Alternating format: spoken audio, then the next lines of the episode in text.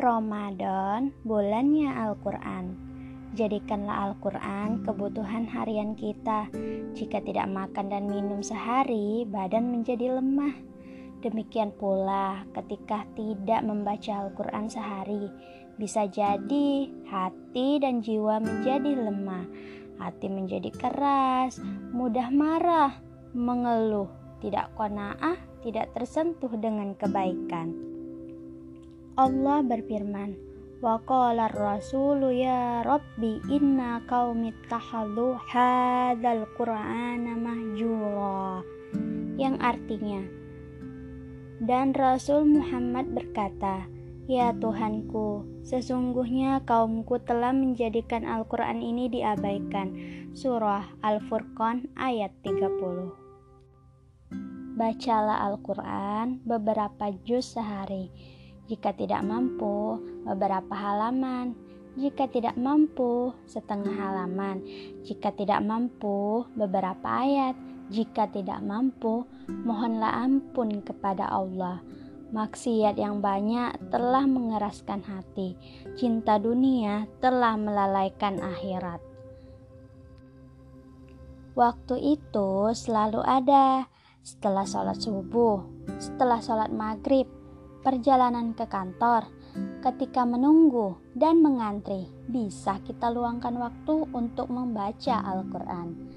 Bukan banyak bacaan yang menjadi utama, akan tetapi istiqomah setiap hari membaca, walaupun hanya beberapa ayat.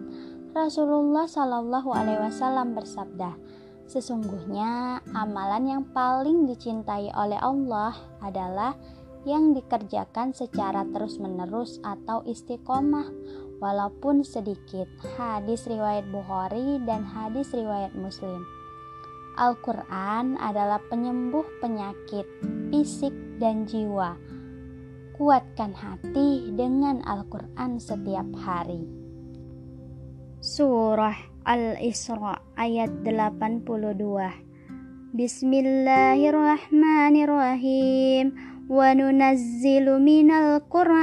Ma huwa shifa'un wa rahmatul lil mu'minin Wa la yazidu zalimina illa khasarah Yang artinya dengan menyebut nama Allah yang Maha Pengasih lagi Maha Penyayang. Dan kami turunkan dari Al-Quran sesuatu yang menjadi penawar dan rahmat bagi orang yang beriman. Sedangkan bagi orang yang zalim, Al-Quran itu hanya akan menambah kerugian. Bulan Ramadan adalah bulan diturunkannya Al-Quran. Hal tersebut ada dijelaskan dalam surah Al-Baqarah ayat 185. Nah, teman-teman boleh dilihat, dibaca, dipahami. Kalau misalnya di rumahnya tidak ada Al-Quran yang ada terjemahan, bisa cari di Google. Itu langsung ada terjemahan, langsung ada tafsiran lebih lengkap. Nah, yang tadi teman-teman telah dengarkan itu adalah tulisan dari Raihanul Baharin yang saya bacakan supaya teman-teman mendengarkan. Hmm, kenapa saya membacakannya? Karena ada yang request saya membacakan sebuah tulisan.